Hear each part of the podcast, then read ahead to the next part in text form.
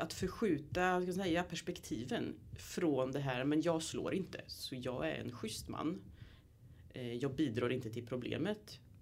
Och istället börja prata om, okej, okay, men vad gör jag för att lösa problemet? Vad gör jag för att bidra till att det blir bättre?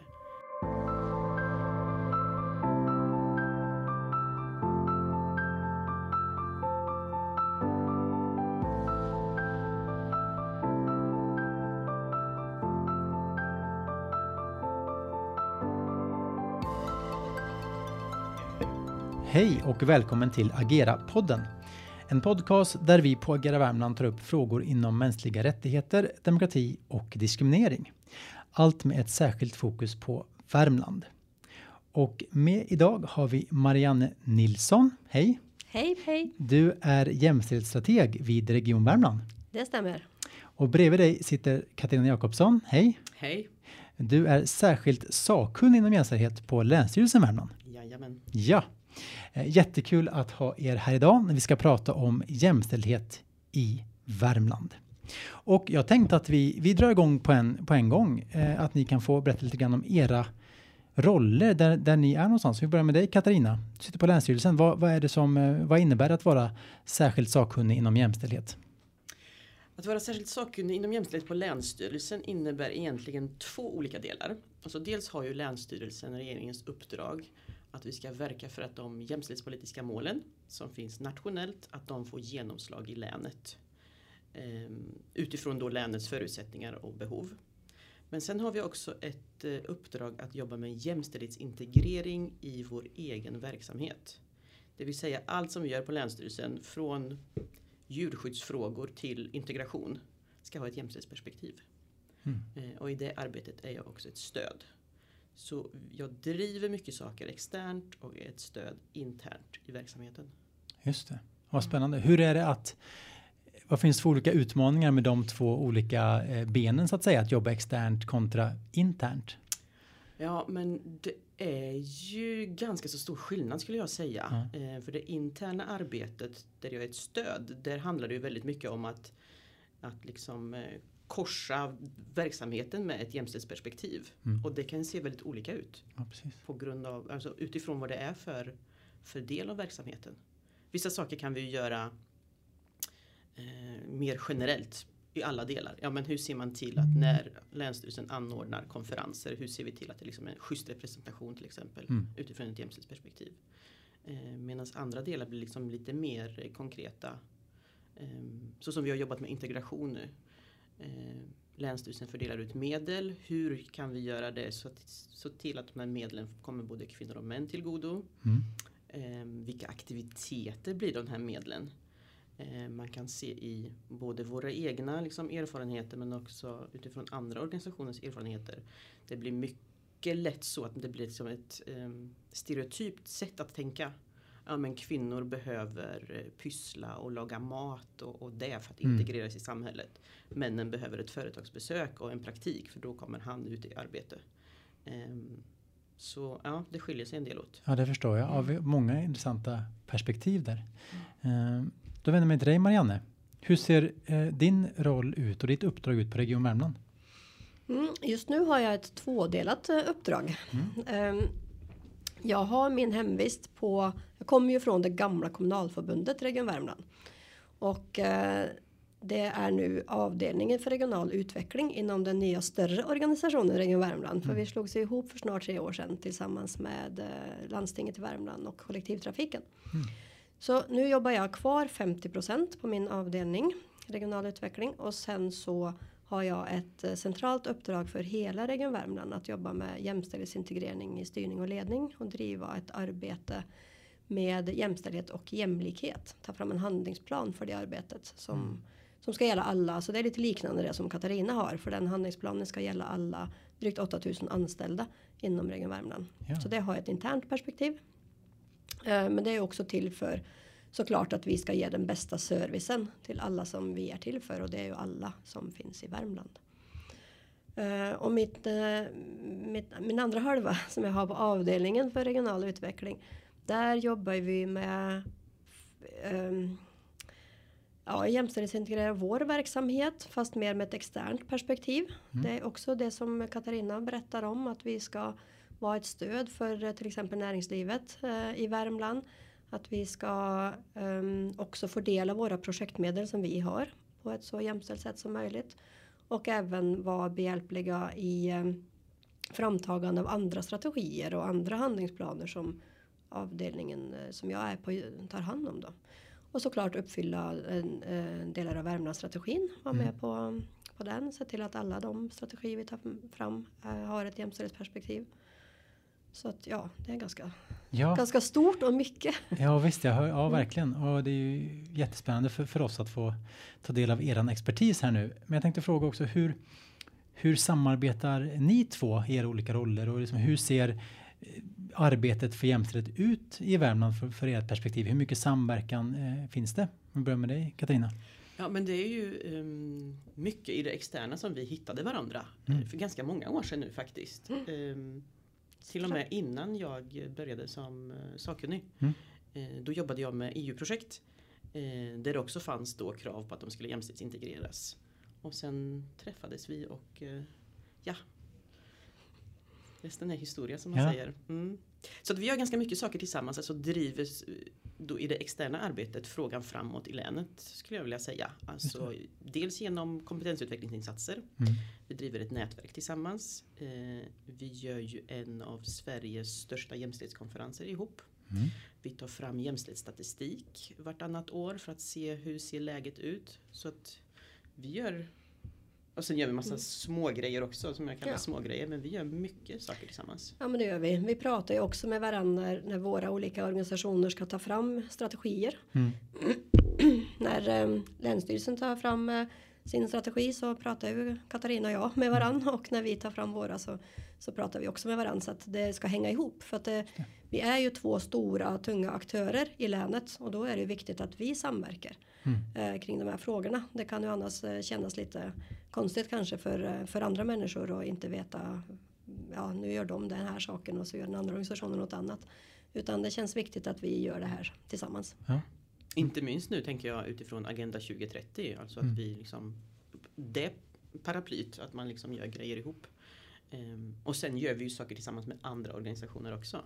Ja. Eh, med kommuner, med eh, eh, idéburen sektor och så också. Mm. Precis, ja, det- skulle bli min nästa fråga här just hur, hur, hur ni når och samverkar med, med kommunerna. För båda era organisationer verkar ju i hela regionen så att säga. Men eh, ni får jättegärna berätta också mer kring det här eh, jämställdhetsnätverket. Vad, vad tar ni upp där och hur fungerar det? Mm. Jämställ, alltså ett jämställt Värmland. ehm, vi kallar det för ett anslutningssystem.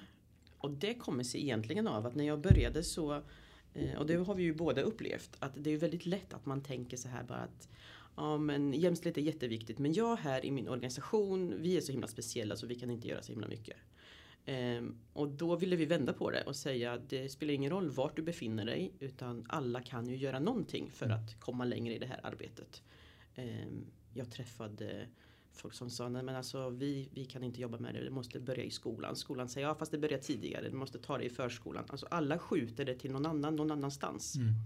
Och då blev idén att eh, vi skulle ha en låg tröskel. Alla organisationer oavsett om det är företag, kommun, eh, alltså idéburen sektor. Alla ska kunna ansluta sig och bidra till den jämställdhetsstrategi som Länsstyrelsen har tagit fram. Mm. Alla ska kunna säga det här vill vi göra för att vi ska nå målen i strategin. Mm.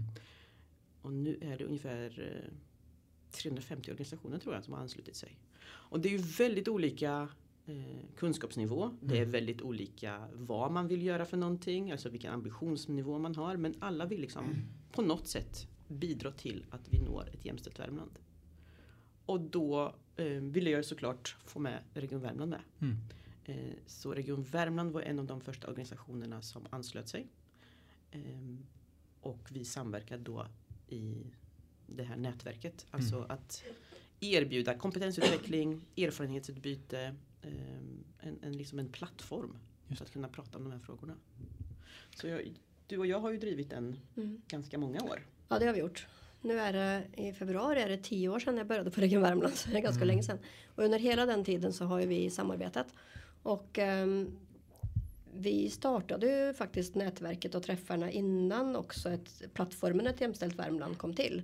Lite trevande med några få, ehm, några få deltagare varje gång. Ehm, men nu har det ju växt, växt väldigt mycket så att eh, nästa vecka är det en eh, ny träff. Det är två träffar eh, per termin. Och nästa vecka är det en på Värmlands museum och det såg jag nyss att det var hundra stycken anmälda så att det är ju Eh, stort Jättebra. intresse. Mm, jättekul. Och den dagen handlar ju helt och hållet om maskulinitet och machokultur. Och det är 100% män på scenen som eh, pratar. Så det ska jag också verkligen fram emot att Ja. delta. Mm. Ja, vad inspirerande.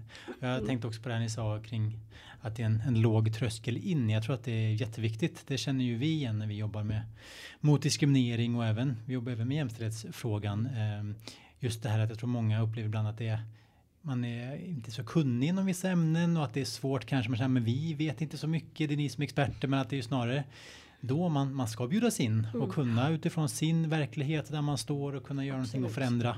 Men man måste ju börja sin resa någonstans. Ja. Ja, ja, ja. Så det, Annars blir det så himla svårt om man måste liksom göra om ambitionsnivån är jättehög och man ska ha alla rätt från start. Ja, det, då kommer man ju ingenstans. Nej men det funkar inte. Och så har vi ju jobbat hela tiden. Jag har försökt vara så pedagogiska och eh, inkluderande som möjligt. Och ehm, eh, jobbat mycket med kommunikation. Mm. Och, och liksom också ehm, pratat om just det här att alla kan bidra. Det Mm. kan vara genom att liksom sluta säga ett ord eller börja använda ett annat ord. Mm. Eller tänka på vad som publiceras. Eller, eller att man vågar säga ifrån i ett sammanhang. Vare sig det är privat eller, eller inom skolan eller var man nu befinner sig. Idrottsförening har vi ju sett många exempel senaste tiden på när det inte funkar så bra. Mm. Så det finns, alla har ju möjligheter för vi rör oss ju på många olika arenor i livet. Mm. Vi är ju både hemma vid köksbordet, vi kanske är föräldrar, vi, vi är syskon, vi har vänner, vi har kanske en partner. Ehm, vi är på jobbet eller i skolan eller i en idrottsförening eller och så vidare. Så att vi har ju möjligheter allihopa att ehm, agera. Precis. Och jag gillar det, det du och jag liksom eh, Först inte så uttalat men nu är det ju det att Mm. det ska liksom vara någonting positivt och Mm. någonting som, som liksom gör att man kommer framåt. Mm. Inte skuldbelägga, inte fan vad ni är kassa, varför gjorde ni så här? Utan Nej. visa goda exempel, förebilder. Mm. ehm, Och det har ju varit vår grej. Eh, Katarina nämnde konferensen Genius som vi har arrangerat eh, varje år förutom pandemiåret här Mm. tyvärr då. Ehm, och eh, kommer att göra igen 2 juni nästa år. Ja. Nionde konferensen. Joho, ja precis. Senast vi arrangerade den innan pandemin då hade vi 700 av nästan 750 deltagare på plats. Så det är faktiskt landets näst största jämställdhetskonferens. och, den största eh, är ju nationell. Så och den Ja, största är precis. nationell så att det, det smäller ganska högst. Och just på den så har vi ju försökt att vara en positiv kraft. Att Mm. visa bra exempel på företag, på organisationer eh, som jobbar på ett bra sätt. Mm. Eh, och det har ju, ja, vi har ju fått många med oss. Ja, Så det är, otroligt inspirerande. Eh, och det är väl också så att är det någon eh, som lyssnar nu så säger vi att man får kolla in ett jämställt Värmland och eh, gå med. Helt enkelt. absolut.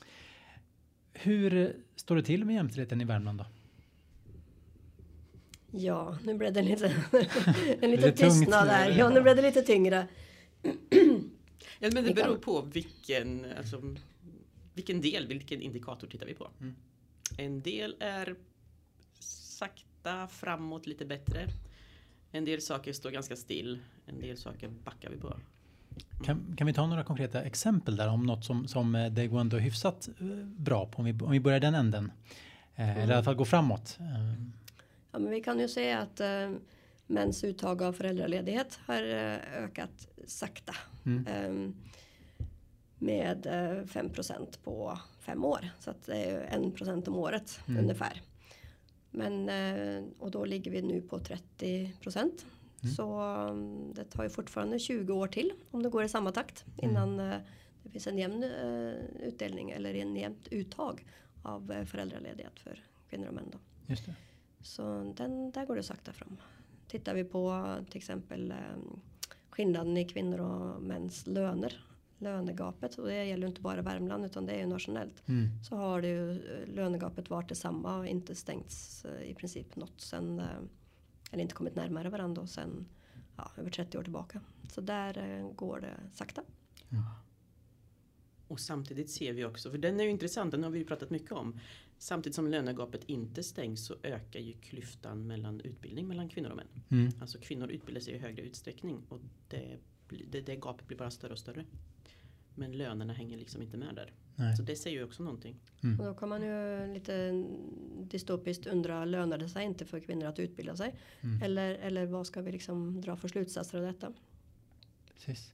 Och det finns för olika också perspektiv på just lönefrågan eh, tänker jag. att Det finns dels då ren lönediskriminering, att man då kanske inte värderas lika högt av olika anledningar, men också att om vi pratar eh, kvinnodominerade branscher eller mansdominerade branscher, att det kan ligga mycket Definitivt. där också. Ja, ja, ja. Mm. Så är det ju. Det, alltså det, de yrken som kvinnor traditionellt fin, befinner sig i, inom vård och omsorg, inom sk- förskola och skola Mm. till, till dels.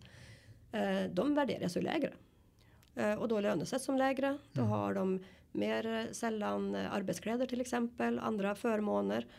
Och eh, de branscher som män traditionellt befinner sig inom, industri och, och verkstad och andra yrken, då eh, är det en helt annan löneutveckling. Mm. Och eh, de har också helt andra löneförmåner. Så det är ju en värdering i sig som gör att, eh, att lönegapet inte stängs. Mm. Och sen vet vi också, tittar man på de 30 vanligaste yrkena i länet 30 yrken, det är ändå ganska många. Mm. Så är ju ingen av de yrkena inom 40-60, alltså inom det man säger är jäm, jämnsfördelning. Nej, När det gäller antal. precis. Okej. Och där har det ju inte förändrats. Inte sen senaste mätningarna. Nej. Så kommer det lite såna små, några små såna här glädjeskutt ibland som vi såg för ett par veckor sedan när, när fordonsprogrammet på Herrgårdsgymnasiet i Säffle har 50-50 Ja. tjejer och killar som, som pluggar. Då känns det som att ja men nu händer det någonting. Och eh, då var det också en, en kille som var intervjuad av eh, SVT där som eh, känner av konkurrensen. Därför att det är många företag nu som vill ha tjejer för att de inte eh, kör sönder bilarna lika lätt, de krockar inte så mycket eh, och så vidare. Så eh, det är ju en intressant utveckling också. Visst. Vad, finns det något eh, som, eh, ytterligare som, som oroar mycket som är verkligen att det här måste Värmland eh, ta tag i för, från ert perspektiv? Kanske mycket, men finns det något som, som eh, ni tänker särskilt på?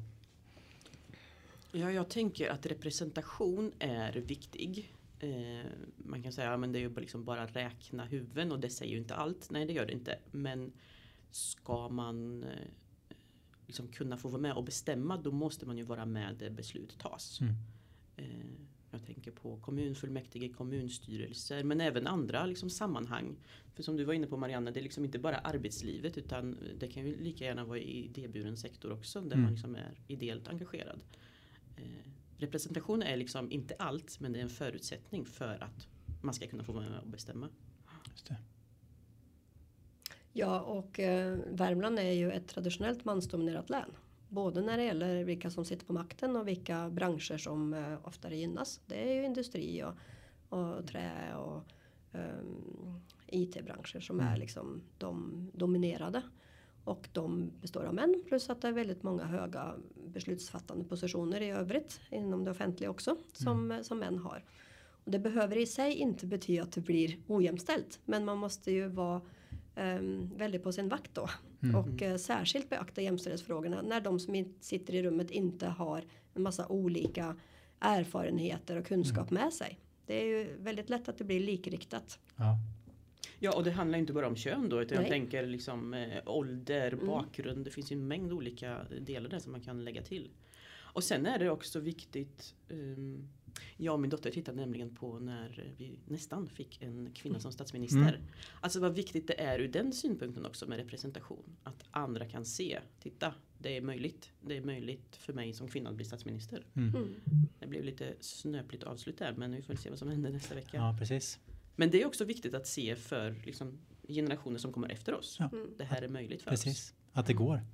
Jag har visat att kompetensen finns. För det får man ju ofta höra. Att eh, ja, men det finns inga kvinnor som vill vara liksom, ledare inom fotbollen eller det finns inga kvinnor som vill vara eh, mekaniker på verkstaden eller det finns ingen kvinna som vill sitta på makten. Jo, de finns. Mm. Men de, eh, och det finns hur mycket kompetens som helst och det ser vi ju inte minst på utbildningsnivån då eftersom vi har ungefär 70 procent av platserna på universiteten innehar kvinnor. Mm. Eh, och de finns, eh, vi utbildar styrelseledamöter som är kvinnor i flygande fläng. Almi gör det på ett lysande sätt. Och, Mm. Så att det finns massor med kompetens. Men det måste ju finnas strukturer i kring som släpper fram. Precis. Och ehm, där har vi nog ett jobb att göra. Ja. ja, verkligen. Och något som jag ibland kan tycka är lite, lite svårt sådär. Eh, jag menar vi som också jobbar med jämställdhet och de här frågorna. Det är ju, ser man utifrån diskrimineringslagen och om vi tar arbetslivet som exempel nu. Då ska ju egentligen inte då vi tar ålder eller etnisk tillhörighet eller kön spelar någon roll utan det ska ju vara kompetens och lämplighet och sådär. Eh, och att ibland inte, att man hittar en balans där. För att vi tycker, vi tycker också det är bra att ibland kunna ändå prata om kön och synliggöra och prata om eh, representation för att kunna, det ska kunna finnas eh, förebilder och att man visar på att det går. Men att man inte hem, heller hamnar för långt åt det hållet så att man bara fokuserar på kön för då kan det också bli så att man också varje dag när man går till jobbet blir bedömd för att man är just man eller kvinna. Mm. Eh, om man nu tar vår, det exemplet med Magdalena Andersson. Så det är klart att det är värt att lyfta nu att vi fick Sveriges första statsminister. Eh, men det får inte heller varje gång vara så att man bara bedömer då prestationen för att hon är kvinna utan det är ju för att hon också har kompetens och sitter där.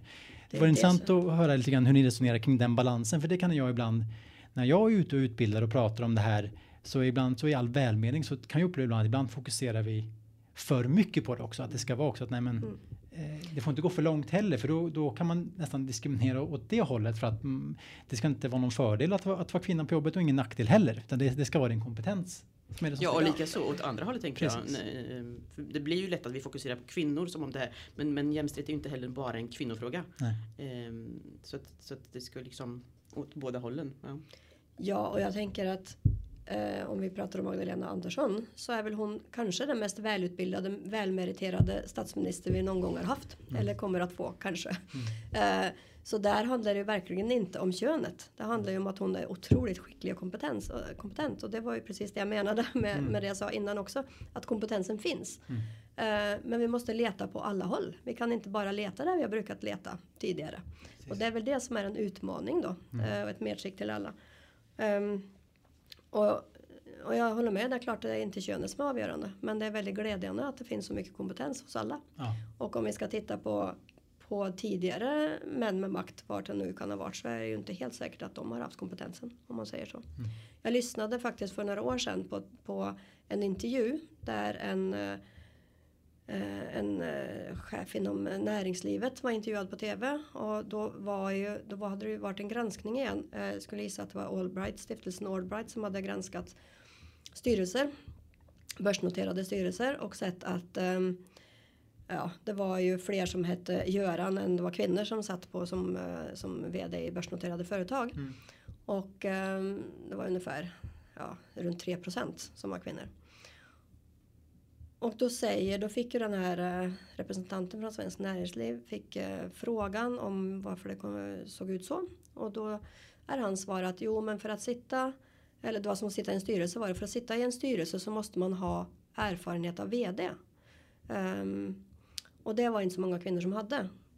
Men då var det ju en bra reporter där som sa men nu har vi ju kollat siffrorna här så att det är ungefär 30% av männen som sitter eh, i styrelser som inte har vd-erfarenhet också. Gäller inte samma regler för dem? Och då blev det lite pinsamt. Eh, och det är ungefär så. Vi har, liksom, vi har rekryterat män på grund av att de är män. Inte för att de har den bästa kompetensen. Och det är ju där, där jag har liksom blivit fel. Den, det kravet måste ju gälla för alla. Inte bara för kvinnor, tänker jag. Och jag tänker också utifrån Magdalena Andersson, hur kommer hon bli bedömd? Mm. Ehm, det kommer ju vara så att, alltså redan nu har det ju pratats, hon ler inte, hon är för kritisk, hon är för liksom inte tillräckligt trevlig. Mm. För att hon förväntas vara på ett visst sätt utifrån sitt kön. Jag såg i morse nu, jag vet inte om ni såg det här, alltså fotboll är inte min, eh, jag kan för lite om fotboll. Men det är ju tydligen någon match, VM kanske, eh, där Sverige vann. Och den första frågan som den här eh, som gjorde målet får, en kvinna, är ju kan du bjuda på ett leende? Mm. Alltså, d- den är så bra för att, ehm, att bara ha med sig huvudet. Vänd, vänd på det. Mm. Vänd på perspektiven. Skulle man fråga någon känd man som spelar fotboll. Mm. Zlatan är väl typ den enda jag kan då. Mm. Eh, bjud på ett leende. Ehm, Ja, alltså helt det, det, helt det, andra finns liksom inte, på... det finns inte Ja. på kartan att man Nej. skulle vilja att han ler. Nej. Det är ju hans liksom, prestation som spelar roll. Mm. Nej, verkligen. Och det här är ju så viktigt att, att man pratar mycket om och med i alla åldrar. För det är ju som ni var inne på tidigare att vissa säger också men det måste börja tidigt och det tror jag är jätteviktigt. Mm. Att man börjar redan i, i, i förskolan och att man som förälder också och har med det. Men man kan inte heller ha det som en bortförklaring också att vi, vi ska bara ta det där. Nej. Utan vi i alla åldrar får prata om det här och själv tänka lite själv också. Hur, hur eh, tänker jag kring, kring eh, Eh, hur jag bemöter eh, människor av, av olika kön och så att man får en tankeställare själv och att det inte heller ska bli som ni är inne på att det ska bli en anklagelse utan att man faktiskt utifrån att man vill eh, respektera alla för lika rättigheter och möjligheter fundera kring hur är mitt beteende och, och så. Ja, Och det där är viktigt med det här du säger eh, att man ska liksom börja tidigt. För det får vi också höra och alla som jobbar med de här frågorna säkert också. Ja men bara den unga generationen kommer, då kommer allt lösa sig. För att de unga har liksom helt andra värderingar och attityder. Och eh, vi som har tagit fram statistiken och siffrorna, det har de inte alls. Det reproduceras och så fort unga kommer in så liksom blir de marinerade i allt det gamla. Så att Mm. tiden kommer ju inte lösa någonting. Och unga generationer kommer ju inte heller per automatik fixa något. Utan det är liksom alla överallt hela tiden på alla nivåer. Mm. mm. Ja. Under den här veckan så är det en uppmärksamhetsvecka kring eh, han kallas för Fri från våld och uppmärksammar ju mäns våld mot kvinnor. Hur ser det ut kring den jämställdhetsfrågan som är eh, en otroligt viktig jämställdhetsfråga att eh, mäns våld mot kvinnor ska, ska upphöra? Hur ser det ut från ett jämställdhetsperspektiv? Eller från ett, ett, värmeperspektiv skulle jag säga. Ja. Ja, alltså statistik för Värmland är lite svårt att få fram. Ehm, men vi vet ju att det här är ett, problem nationellt och det är ett problem för Värmland såklart också. Ehm, och det är ju så att om man, inte, om man är utsatt för våld, och våld är ju inte bara fysiskt våld utan det kan vara psykiskt våld, ekonomiskt våld. ehm, så är ju mycket svårare att kunna delta i samhället på lika villkor som andra. Det är kanske svårt att ha ett eh, arbete på eh, heltid och kunna försörja sig själv. Det är svårt att vara med i sammanhang där man får vara, eh, vara med och ta beslut.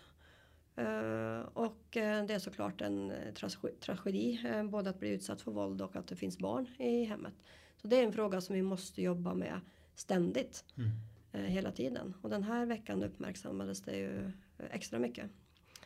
Ehm, och är det så att vi, vi liksom ställer någon fråga till folk, eh, tycker ni att jämställdhet är viktigt? Så säger ju 100% ja. Eh, att det ska vara samma villkor för kvinnor och män. Pratar man om att vän, mäns våld mot kvinnor ska upphöra så säger ju alla ja, självklart. Men vad gör man då? Mm. Det är ju just det. Vågar man vara den som eh, knackar på om man hör att det är bråkigt hos grannen? Eh, vågar man säga ifrån när det är någon som drar ett sexistiskt skämt på fikat? För alla de här sakerna är ju, liksom det sexistiska skämtet på fikat eh, trappas ju upp. Och eh, det är liksom nedersta delen, den här våldspyramiden som man pratar om. Och det slutiga, slutgiltiga är ju liksom eh, fysiskt våld och, eh, och eh, mord. Eh, Och vi måste ju stoppa det här på alla nivåer. Det är ju alltifrån hur elever behandlas i skolan och eh, vilka ord de får eh, skickade efter sig till vad som händer på sociala medier. Eh, Alltså det är också ett våld som utövas där. Så ja, det finns, det finns över, överallt. Jag tror också att det är viktigt som, som du är inne på Marianne att se att det liksom hänger ihop. Ehm, det yttersta våldet det börjar så mycket tidigare. Mm.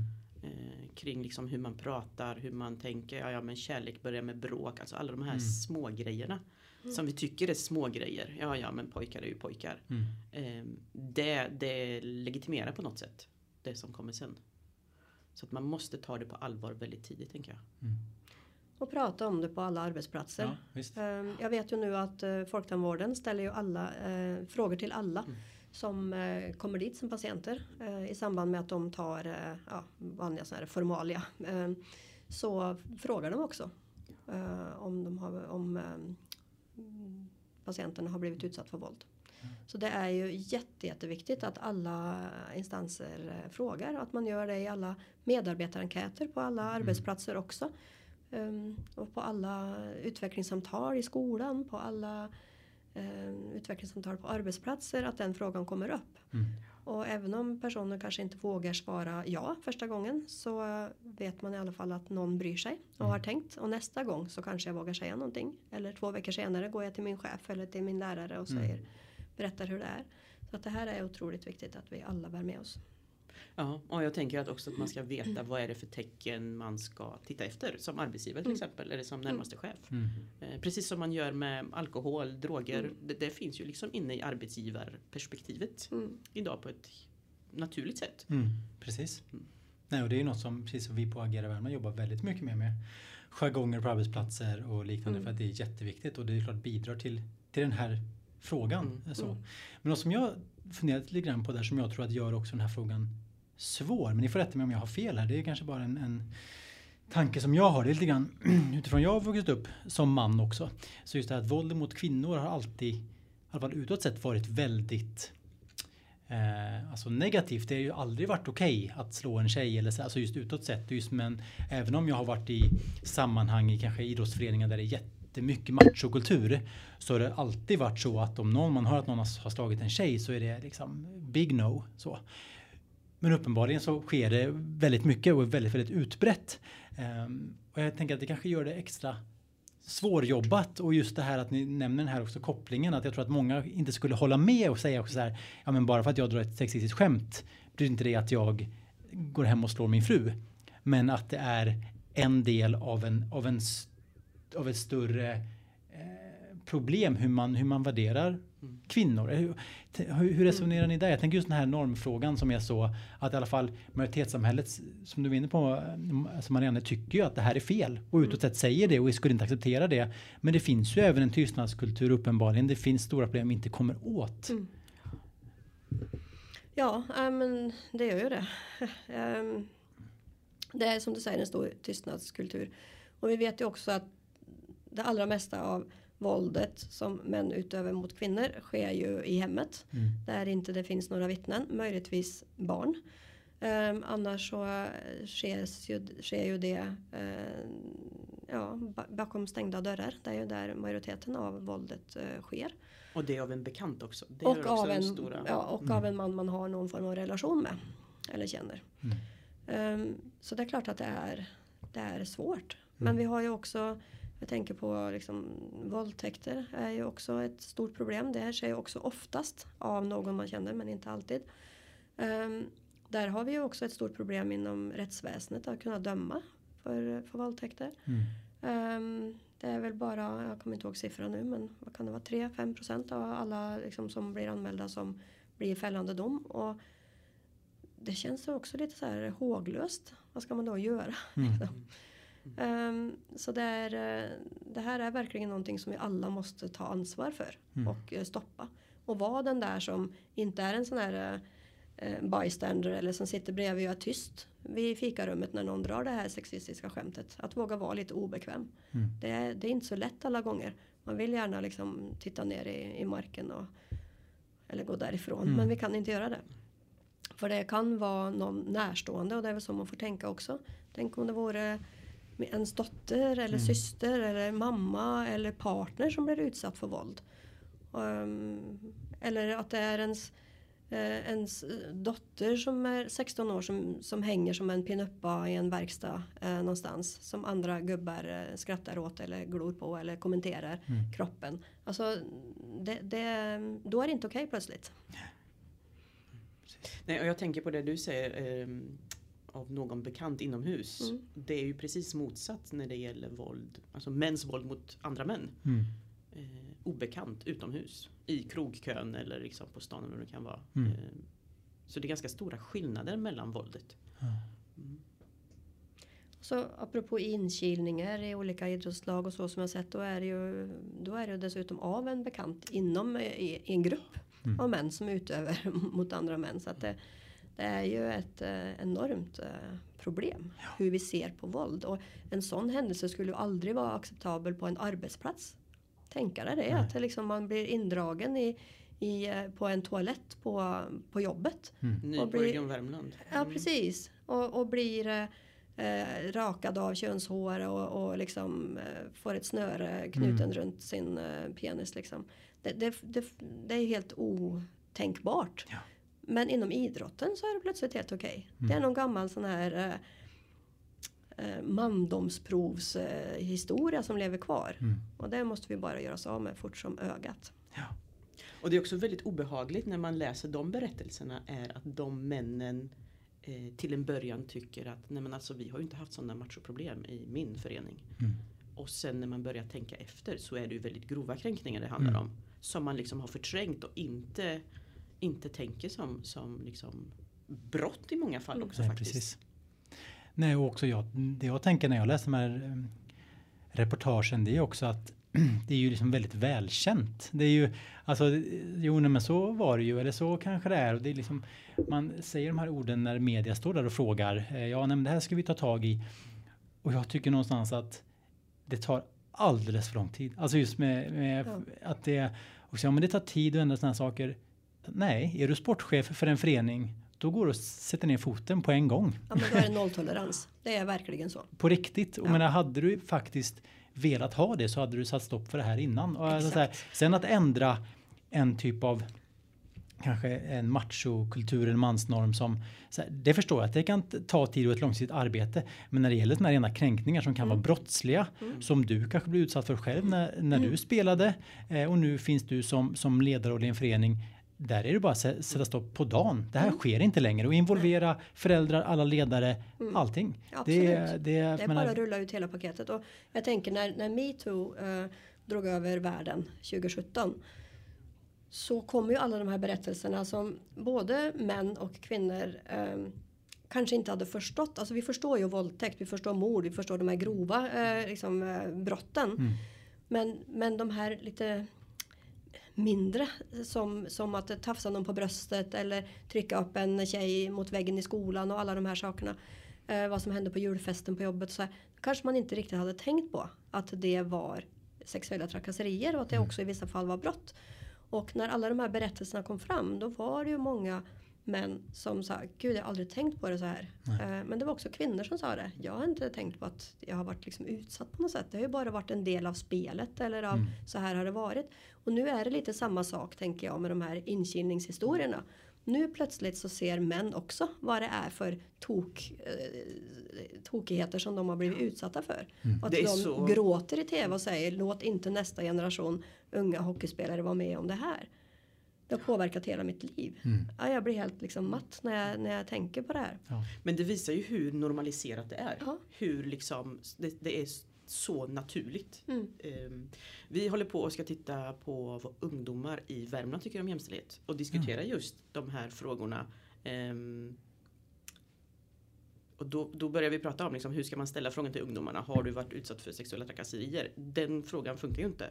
Utan då måste man ju liksom, för då kommer vi inte få svaren Nej. för att man kanske inte ens är medveten om att det är sexuella trakasserier. Precis. Utan då måste vi liksom spesa upp de här frågorna. Har du blivit kallad hora? Har någon kallat dig bög? Har någon tagit på din kropp på sätt Mm. du inte... Alltså, man måste konkretisera det så mycket för att få syn på det. Ja, ja jätteviktigt.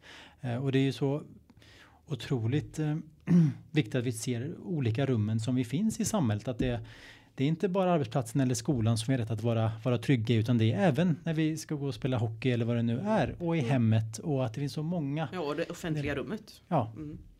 inte minst. Om vi nu, vi ska börja gå mot ett avslut här snart men jag tänker också så här, vad kan jag som man tänka på? Vi gjorde faktiskt en film förra veckan med eh, Länsstyrelsens eh, länsråd Johan Blom inför internationella mansdagen. Och eh, då pratade vi mycket, eller Johan, eh, mycket om eh, Alltså att förskjuta ska säga, perspektiven från det här, men jag slår inte, så jag är en schysst man. Eh, jag bidrar inte till problemet. Och istället börja prata om, okej, men vad gör jag för att lösa problemet? Vad gör jag för att bidra till att det blir bättre? Och den tycker jag är väldigt fin. Mm. Eh, inte bara alltså, nej men jag har inte slagit någon, jag har inte tagit på någon, då är jag en bra man. Eh, utan liksom börja tänka, vad kan jag göra för att det ska bli bättre? Mm. Eh, Ja, men jag tänker eh, stå upp. Både för sig själv och för andra. Att våga säga saker i olika sammanhang. Att dela saker i sociala medier. Ehm, Jag var igår och lyssnade på Nina Rung och Peter Rung i domkyrkan. En helt fullsatt domkyrka. Så det var ju fantastiskt. Kvinnojouren och tjejjouren i Karlstad arrangerade. Ehm, av de som var där så en uppskattning, det var en del eh, män där men jag skulle kanske gissa att det var 10-15% män som var där. Ehm, gå på sådana här tillställningar. Ta, ta liksom, ta var, alltså lär, ta, ta in kunskap Mm. eh, och förstå eh, sammanhang och förstå hur viktigt det är för en själv också. För män utsätts ju också för våld av Mm. män och kvinnor utsätts för våld i stort sett av män. Ehm, men var förändringen själv. Mm. Det är väl det som eh, det är likadant om jag delar någonting kring mäns våld mot kvinnor på, på, i mina sociala medier så kanske det, jag delade den här föreläsningen igår till exempel. Ikväll ses vi väl där. Är ni också som jag emot mäns våld mot kvinnor så ses vi i domkyrkan. Mm. Jag tror att det var kanske fem eller sex som tryckte gilla varav det var en man. Eh, dela vidare sånt då. Mm. Kom! liksom. Visa Precis. att man menar på riktigt att det här är viktigt. Eh, många gör det men inte många nu. Nu har det ju startats en förening i Värmland också som heter Män. Eh, som man eh, också kan gå med i. Mm. Så ja, det finns oändligt med möjligheter tänker jag Ja, till visst. att agera. Otroligt viktigt för att som någon av er var inne på tidigare också. Det, det är, alldeles för mycket eller ses som en, som en kvinnofråga så att säga. Mm. Vi män måste ta ett mycket större ansvar. Jag tycker det var jättebra saker ni nämnde här med att, att försöka bidra till, till, till att det ska ske en förändring. För att vi kan nog alla vara överens om att eh, det är inte okej som det ser ut idag på många områden. Och den är, den är viktig. Att jämställdhetsfrågan är någonting som kommer att göra det bättre för män också. Mm. Ehm, för det begränsar ju. Det begränsar ju både alltså ojämställdheten och förväntningarna och normerna, attityderna begränsar både kvinnor och män. Eh, och män har jättemycket att vinna på Ja. att liksom spränga de här. Precis. Vi, vi gjorde ju för några år sedan så gjorde vi en satsning som heter En riktig man på Mm. Egen Värmland. Och eh, det är också en app som man kan ladda ner med, med frågor som handlar om eh, porr, som handlar om eh, sex, som handlar om eh, relationer, föräldraskap och så vidare. Så där kan man ju gå in och, och åtminstone börja titta på frågorna själv och fundera lite över. Och nästa steg är väl att eh, prata med en kompis eller med fler eller på jobbet Mm. eh, och så vidare om, eh, om, om det här. För väldigt många män pratar inte med andra män. Ehm, Så det, så det tror jag, det, det är också ett tips. Det finns massor med saker man kan göra. Mm. Men som sagt var, jag tycker att män måste också ehm, Det är väldigt viktigt att män förstår att jämställdhet handlar om dem och att de har allt att vinna Nej, precis. på jämställdhet. Nej, exakt. Och det är ju en fråga för oss alla. Och det är också så att man kan hitta statistik såklart där, där män är eh, mer utsatta eller berörda. Vi hade tidigare ett poddavsnitt med Marie Niljung och Anders Boström där vi pratade om suicid Ja, och just kring, exakt. kring den eh, problematiken där, eh, där det är fler män som, som förolyckas i, i suicid då, än vad kvinnor gör.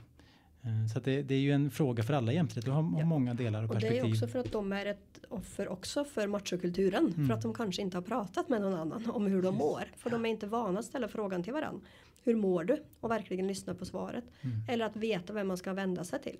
Precis. Eh, Så det, det hänger ihop. Och jag tycker också det är så jätteviktigt att vi har de här diskussionerna tillsammans allihopa. För det kan ju också vara så att, en, att det, är ju, det är inte heller bara män då som kan driva på en, en machokultur. Det kan ju lika gärna kvinnor också vara med och är en del i. Så att det är jätteviktigt att vi har de här och som ni tycker är så inspirerande att höra också att ni lyfter fram det här positiva. Att man Mm. inte ne- negligerar det som är dåligt men att man försöker ha en, i alla fall en positiv attityd när man pratar om det. Att det inte ska Mm. vara skuldbeläggande inte mot enskilda individer för då är det nog svårt tror jag också att komma framåt. Ja, Eh, särskilt om vissa kanske arbetsplatser som utifrån mitt perspektiv när vi är ute och pratar om de här sakerna så kan det komma en del kanske mothugg och sådär. Ja, men då är det viktigt att man har en, en eh, en någorlunda eh, positiv inställning och se men vad, vad kan vi göra här så att det inte bara blir anklagande för då kan det snarare tror jag bli att man går till attack istället och blir nästan tvärtom. Absolut, det är jätteviktigt. Och det gäller ju inte en, minst för vår egen skull tänker jag som jobbar med de här frågorna. Att, att vi liksom ser att det faktiskt, alltså för ibland när vi tittar på statistiken, oj det är så här och så har det inte hänt något, oj oj oj, Mm. dåliga siffror. Men det har ju ändå hänt en massa. Och så som vi pratar om jämställdhet idag Mm. och liksom de insatser som görs och så som det lyfts upp på ett mycket mer strukturerat och organiserat sätt. Eh, Så var det ju inte förut. Nej. Det har hänt mycket. Ja. Sen behöver det hända mer såklart. Men, men det händer. Och vi kommer ju båda två som tur är från organisationer som prioriterar den här frågan väldigt högt. Mm. Och som satsar pengar och kompetens. Och för, hos oss så har vi ju politiker som, som, är, som eh, är drivande i de här frågorna. Och de gör ju också det tillsammans med eh, företrädare från Länsstyrelsen. Så de på, på den nivån också ehm, samverkar. Så, så det är ju eh, det är ju väldigt eh, bra förutsättningar för att, Mm. för att driva frågorna. Verkligen. Nej, för någonting som vi alla verkligen jobbar för det, eller och vill ha, det är ju lika rättigheter och möjligheter oav- oavsett kön. Så, sen vägen dit är ganska eh, kanske komplex och stor, men alla kan bidra med något. Och jag tänker oavsett om du lyssnar nu som, som, som enskild individ eller om du eh, sitter som, som chef någonstans eller som, som lärare eller rektor så, så har ju också alla ofta en, en en chans att använda sin professionella roll och det är viktigt att man även jobbar med frågorna där. Så menar, återigen då i alla rum där vi befinner oss så kan man ju sätta in ett jämställdhetsperspektiv där vi alla kan, kan bidra och det spelar roll hur vi, hur vi eh, behandlar varandra och bemöter varandra och så vidare. Mm. Hörni, jag tackar så jättemycket för dagens samtal med er. Tack så jättemycket Marianne Nilsson. Tack så mycket för att vi fick komma hit. Ja, tack, Jättekul. tack till dig Katarina Jakobsson. Tack, kul! Mm. Eh, tack till dig också som har lyssnat på det här avsnittet. Kolla gärna in Agera Värmland på sociala medier och vi, det finns även mycket information på ageravärmland.se. Hej då!